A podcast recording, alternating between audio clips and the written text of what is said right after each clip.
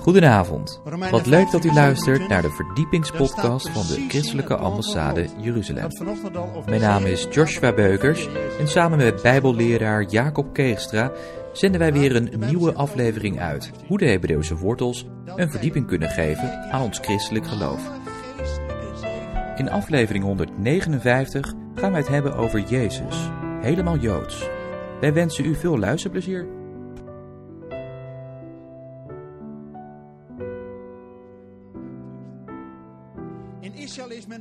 Met elkaar eens. Maar het woord laten ze staan. Misschien bent u wel eens, eh, hebt u wel eens die, van de Qumran-rollen gehoord. Hebben ze een Jezaja-rol gevonden. Die is dus 2000 jaar oud, hè? Echt uit het jaar nul. En die is voor 99,999%, misschien hierna één lettertje wat men niet helemaal goed kan lezen, exact hetzelfde als wat wij nu hebben. Aan hen zijn de woorden van God toevertrouwd. God weet aan welke pappenheimer zij dat toevertrouwt. Want ze hebben dat letterlijk overgeschreven. En iedere keer ze checken en een ander controleert aan. En als er één letter verkeerd is, wordt de hele boekrol weggegooid. Weet je wat zo'n boekrol kost? 150.000 dollar. Ja, 120.000. Straks eh, bij de, bij de klaagmuur hebben ze af en toe bij mitzwa. En dan wordt dan, dan gelezen uit die Torahrol. Nou, dan mogen ze eh, één keer eruit lezen. Maar zo'n ding kost 120.000 euro. Meer. Daar zijn ze ook, nou ja, niet alleen trots op, maar ook eh, even dimmen. Met andere woorden, ze zijn daar zeer op het woord georiënteerd. Nou, en de- deze, als we, dus we hebben het woord via Israël ontvangen. We hebben Gods zoon via Israël ontvangen. Wat zegt Matthäus 1? Drie keer veertien geslachten, 100% Joods. Van Abraham tot David, tot ballingschap, tot Jezus, drie keer veertien geslachten. Zo'n hoofdstuk wat wij altijd overslaan, hè? weet je wel? Matthäus 1, denk je, ah. Ja, is dat nou evangelie? Ja, maar weet u, in die drie keer veertien ligt het patroon van Israël die uit Egypte naar het beloofde land ging. Ze hadden eerst veertien pleisterplaatsen, dan kwamen ze bij Kadas Barnea, aan de zuidkant van de land. En toen hadden ze die twaalf verspieders. Tien zeiden, nou, dat moeten we niet doen, joh. En twee zeiden, ja, we gaan, omdat de Heer voor ons is. Maar toen moesten ze terug, onwillige zoon betekent dat, Kadas. Toen moesten ze weer veertien etages naar beneden. En met Jozef gaan ze weer 14 etages omhoog, gaan ze bij Jericho, bij Gilgal, de, de beloofde land in. Precies diezelfde, drie keer 14. En dat is ook de periode van Abraham tot David, van de profetische lijn. Van David tot ballingschap, de koninklijke lijn. Van de ballingschap tot Jezus, van de priesterlijke lijn. Dus Jezus laat in zijn DNA 42 generaties zien dat hij de profetische lijn, de koninklijke lijn, de priesterlijke lijn vertegenwoordigt. En 14 is in het Hebreeuws de naam David. Wat betekent David? De geliefde. Waar draait het allemaal om? Om de geliefde. Die zoon van David, die nog meer is, de Yeshua hemzelf. Mensen, als je met Hebreeuwse oren leest, wordt zelfs Matthäus 1 evangelie. Weet u dat mensen uit India daar al door tot geloof komen? In India, met die hele hindoe en eh, dat soort, dan is het, nou ja, nou worden mensen hooguit honderd. Voor de grote breuk werden mensen duizend. Voor de grote breuk daarvoor tienduizend. En daarvoor honderdduizend. Dat komt nog een aan. Maar juist dat de geslachtslijn van Jezus, heel concreet van Abraham, Noach de tiende, de twintigste Abraham, hè, en dan drie keer veertig geslacht tot Jezus. Je kunt precies terugtraceren dat Jezus niet zomaar een beetje in het luchtledige, maar op de dagen af. Dan worden mensen uit India, die komen daardoor al tot geloof. Dat ze een fundament hebben. Nou. Wat wou ik nou vertellen? Oh ja, over deze. Ja, nee, nee, maar kijk, ehm, nou er zit zoveel rijkdom in. Kijk, weet u, wat hebben we allemaal via Israël ontvangen? Gods woord, Gods zoon en Gods geest. Weet u, die eerste uitsting van de geest, hè? Die 120 daar in die bovenzaal, waren allemaal Joden, hè? Was geen heiden bij, hoor. Weet u wanneer de eerste heiden erbij is gekomen? Cornelius, handelingen 10. Dan ben je acht hoofdstukken verder, ben je een jaar verder. Weet u hoe groot die eerste gemeente in Jeruzalem was? 80 tot 100.000 mensen. Zo. Maar die zijn allemaal op een kluitje. Dus God moest ook wel wat doen soms. Hè? eruit te krijgen. Oké. Nou, deze tekst, Romeinen 15, die zegt dat. We hebben alle geestelijke zegen via Israël ontvangen. Gods woord, Gods zoon en Gods geest. Wat heb je nog meer nodig? Nou moet je eens kijken wat daarin zit. Wanneer is Gods woord gekomen? Wanneer Israël de eerste keer in het land is. Is Gods woord gekomen. Het hele Oude Testament toegeschreven. Toen zijn ze naar Babel. Hè, omdat ze zelf ook niet het woord geloofden. Moesten ze 70 jaar naar Babel. Zodat het land zijn rug kreeg. Na 70 jaar zijn ze teruggekomen. En 400 jaar precies daarna is Jezus gekomen. En daarna de geest. Dat was toen de tweede keer Israël in het land was. En de Bijbel zegt, ze worden twee keer uit het land en twee keer terug in het land. Nu zijn ze weer terug in het land. Wat kunnen we nu verwachten? De wederkomst. Want alle andere geestelijke zegeningen, Gods woord, Gods zoon en Gods geest, hebben we al. Het is genoeg om tot geloof te komen. Dus waar we nog naar uitzien is de wederkomst. En tot die tijd geldt deze tekst. Vind ik zeer moedig van de Israëlwerkgroep. Ik heb er twee keer over gepreekt in de landen. Ik hoef nooit weer te komen. Ja, ja, ja, ja, je maakt wat mee. Dit is het woord van God, hè?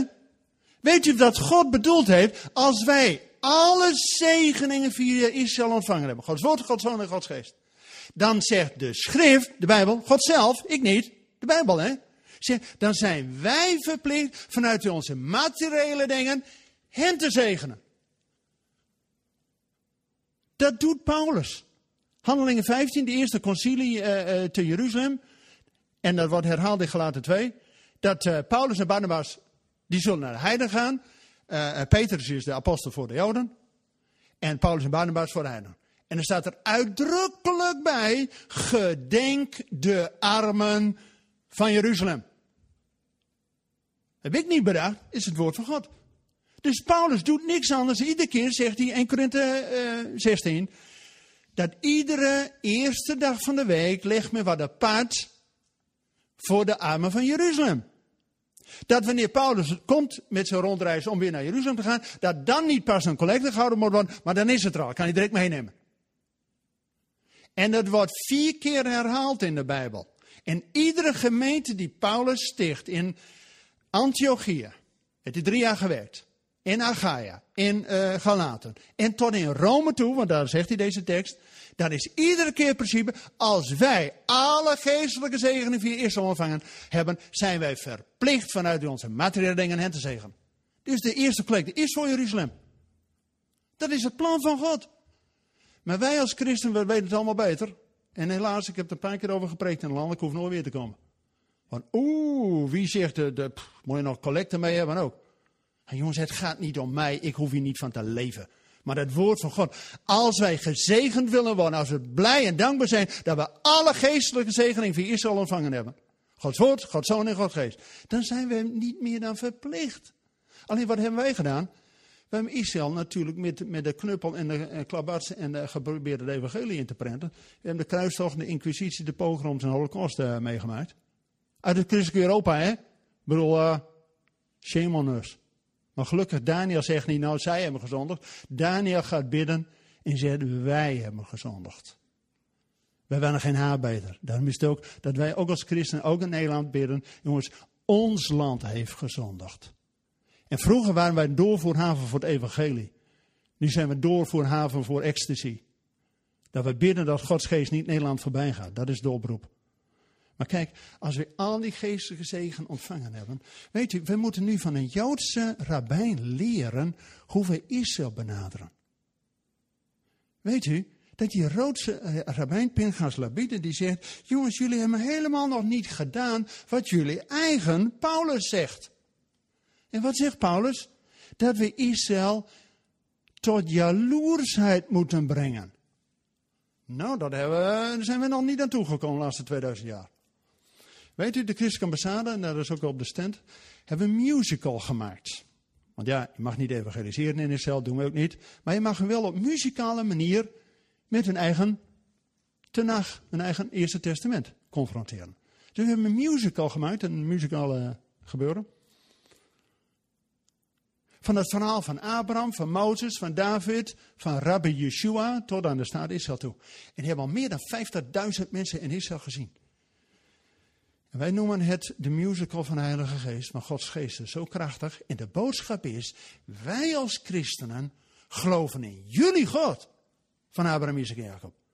Israël, wordt het nou niet tijd dat jullie in je eigen God gaan geloven? En weet je het komt? Maar weet je, en daar was ik naar op zoek. Zachariah 12, dat kent u allemaal. Hè? De geest van genade en gebeden komt over zijn volk. Zodat ze zien wie zij doorstoken hebben, hun eigen Messias. En direct erop, Zachariah 13, er wordt een bron ontsloten voor de leiders van het volk en de inwoners van Jeruzalem. En dat is die bron van Siloam tot reiniging en tot heiliging en tot ontzondiging. En direct erop, Zachariah 14, daar staat dat het loofhuttenfeest gevierd wordt door alle volken, samen Jood en niet-Jood. Dus mensen, we leven in spannende tijd. Als die bron nou weer ontdekt is. En dat de tunnel weer opgegraven wordt. En dat Israël, 30 jaar geleden, was er nog maar een handjevol Messiaanse Joden. Die moesten in het geheim in de bossen van Tiberias bij elkaar komen. Een paar jaar geleden was ik met Loofhuttenfeest. Nou, geloof waren ze nog, eh, was de herfstvakantie nog een paar dagen over. Dus we gingen met z'n allen, eh, in de bus. Nog even naar Tiberias. Even een paar dagen uh, uitrusten. Als je zeven dagen uh, een congres hebt met ochtends hele goede sprekers, een grote praise and worship. Met 1300 mensen uit Brazilië erbij, die wat enthousiaster de lovende prijzen dan wij. Dus uh, nou, op een gegeven moment, na een week begin je zelf ook een beetje te doen. Hè? Dus na een week dan, hè, dan ga je wat aftaaien en na acclimatiseren bij het meer van Galilea. En op Shabbat, ik zei tegen die groep Nederlanders, kom op jongens, op tijd eruit, ontbijten en in de bus. Nou ja, maar we zullen oh, rusten. Ik zei, huppatee, in de bus. Dus uh, iedereen op tijd eten en de bus. En uh, dus ik wil met de hele club naar de Messiaanse gemeente. Nou, het ergste wat je kan overkomen als reisleider. Heb iedereen naar de bed getrommeld, uitbijt en hup, de bus in en pst, naar Tiberias. Naar gebouw van de Messiaanse gemeente. Kom ik daar, ergste wat je kan overkomen, deur dicht. Al die kritische Nederlanders weten allemaal beter. Hè? Je weet het wel. We staan er vijf minuten, we staan er tien minuten. Kom nog geen met een auto aanrijden. En ik ga naar het gebouw. Ik denk, ik eruit. Ik naar iemand toe. Ik zeg, is het, dit is toch een gebouw van de Messiaanse gemeente? Ja. Zeg, maar vandaag niet. Ja, maar ik ben er nou vandaag. Ja, maar dan is geen noodje. Rij maar achter me aan. Het heeft zo moeten wezen. Wij ja, achter dat autootje aan, die grote bus, achter dat autootje. Hup, want als je meer, Tiberias ligt bij het meer. Dus het ligt, uh, en dan moet de bergen, dan moeten we eerst omhoog. Dus wij door die bergen in de bossen van Tiberias. En wat zag ik? En ik had 50 getuigen bij me, de hele bus van Nederlands. Dat er waren tien Messiaanse gemeentes bij elkaar. En drie christen-Arabische gemeentes. En die kwamen na het Loofhuttenfeest bij elkaar, was het toch die allemaal vrij. En die kwamen daar in de bossen van Tiberias, omdat de plek in het gebouw in Tiberias veel te klein was. Ze waren daar met veertien gemeentes bij elkaar.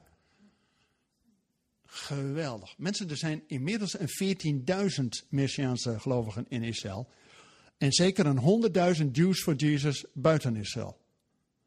En ik was uh, uh, vorig jaar zomer in Israël, heb ik veel Messiaanse gemeentes uh, bezocht. En die zijn zeer krachtig. De helft van de mensen is onder de 25. En dat zijn dus niet, zoals de eerste generatie, zijn eigenlijk Amerikaanse Joden die naar Israël gaan, maar meer Engels spreken dan Ivriet. Maar die tweede generatie, die is daar geboren. Die spreekt 100% Ivriet. En die gaat ook in het leger. En als Messiaanse Joden gaan ze ook in het leger, want ze hebben een boodschap om uit te dragen. Geweldig. Maar dat moet ook wel, want de Bijbel zegt, openbaar 19, er komt nog 144.000 getuigen uit Israël. Die de laatste inzameling uh, gaat doen. Dus uh, als je nou bidt voor evangelisatie, bid dat Israël tot geloof komt. Dan krijgt u er nog 144.000 getuigen gratis bij. Kijk, dat is nou efficiëntie. Dat is plan van God, hè? Maar deze tekst, mensen, dat is proclamatie. Dat is precies het plan van God. Als wij alle geestelijke zegen van Jen hebben ontvangen, dan zijn wij verplicht vanuit onze materiële dingen hen te zegenen. En dan heb ik zo'n vraag over de bedekking over de Joden. Ja, klopt. Romeinen 11. Weet u wat het plan van God is? Dat Israël een gedeeltelijke verharding krijgt. Enkele takken zijn weggebroken, zegt de schrift. Zodat het evangelie ruimschoots naar ons gaat. En wij als wilde takken geënt worden op diezelfde stam van Abraham, Isaac en Jacob. Abraham is de wortel, de stam, Isaac en de kroon waar alles uit voortkomt, Jacob. Dat is een beeld. Wij als wilde takken geënt. Betekent. En wat zou dat allemaal betekenen dan? Enig idee? Ja?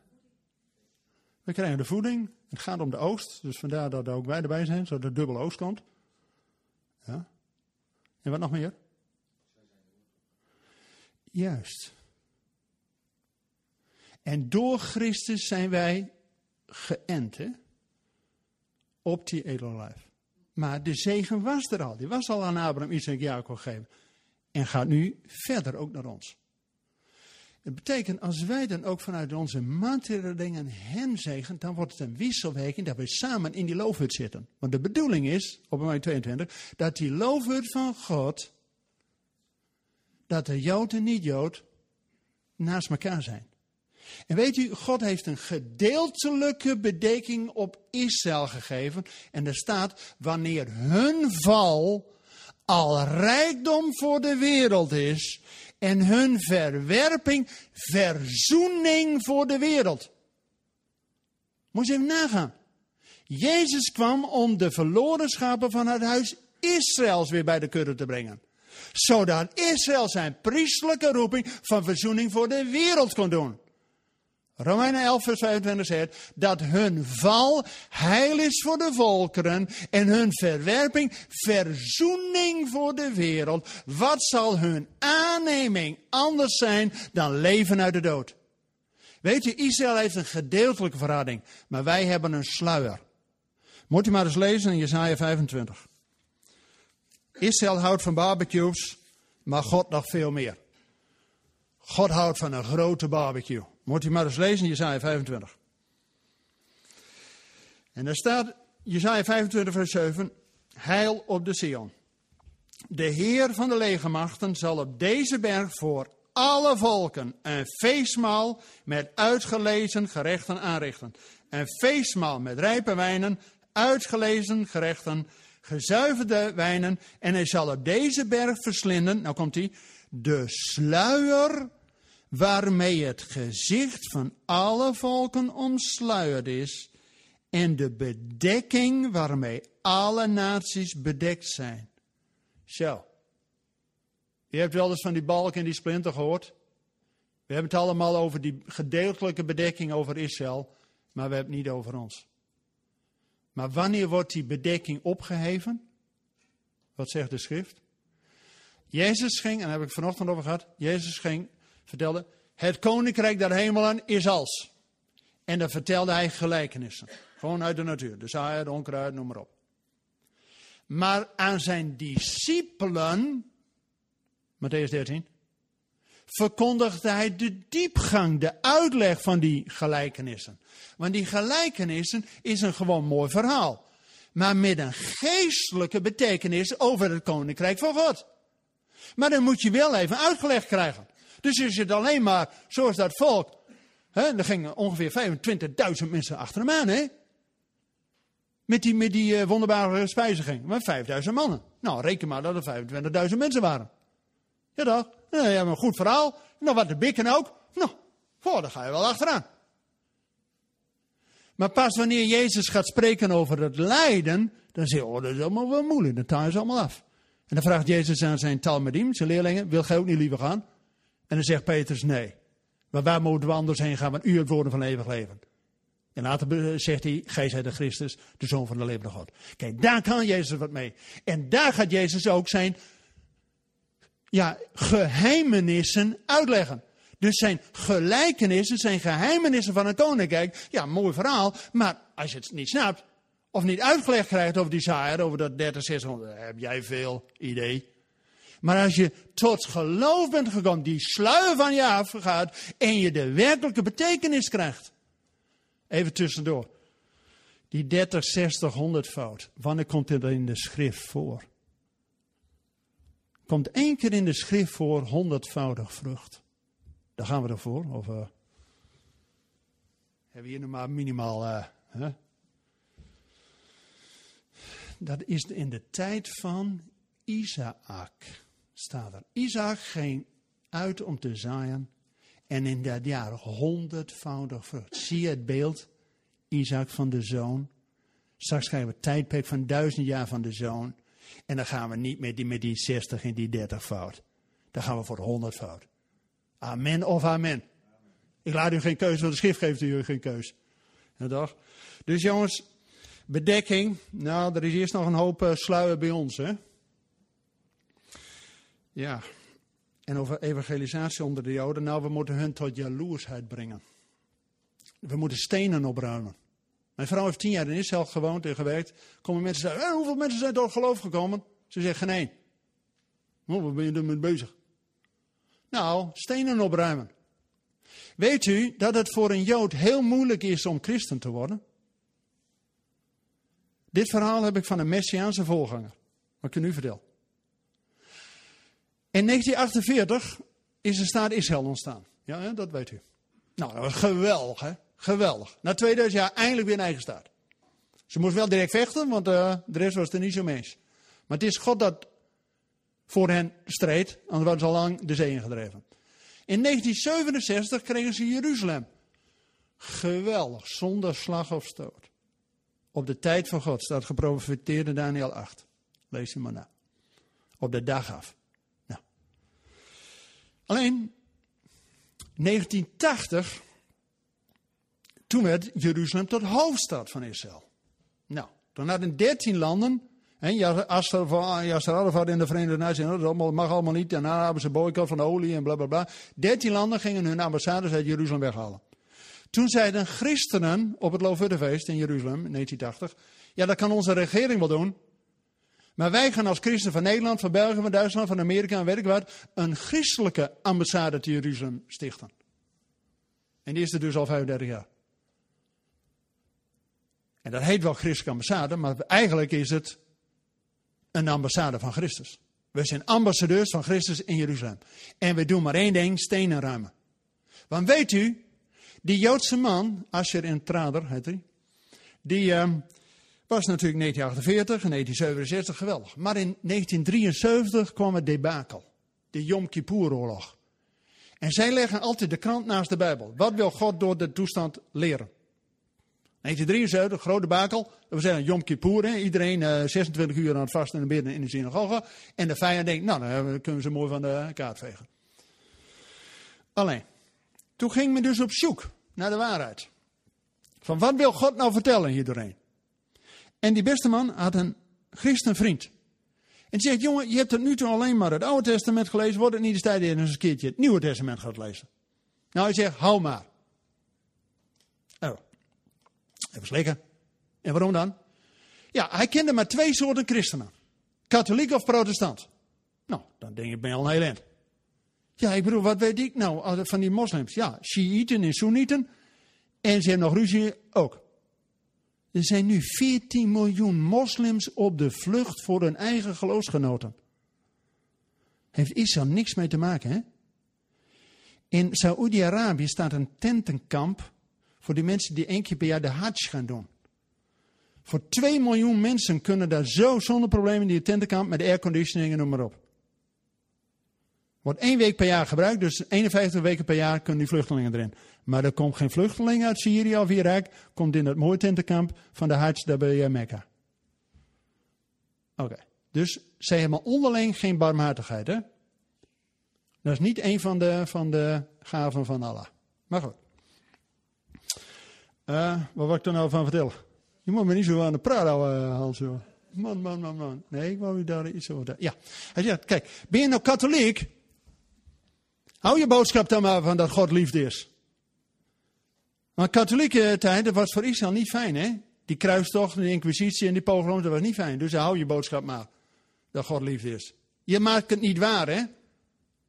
Nou, dan sta je met je mond vol tanden. Maar goed, je denkt, ah ja, ik ben geen katholiek, hè? Zegt natuurlijk meer over mij dan over katholieken. Maar goed, hij zegt, maar ben je protestant? Is nog veel erger. Ik zei, oh, even. Hij zegt, dan heb je Luther en Hitler op je geweten. Ik zeg, hallo, nou, nou, nou, nou even dim, hè. Luther snap ik. Maar Hitler, daar wil ik niks met hem Ja, hij zegt, ja. Want Luther was op het eind van zijn leven zeer antisemitisch. En dat heeft Hitler keurig misbruikt, zodat de Duitse christenen in de dertig jaren geen enkel weerwoord hadden. Nee, ja, jullie grote leider Luther heeft dat ook al gezegd. Brand je synagoges maar op. Nou, dat deden ze uh, trouw.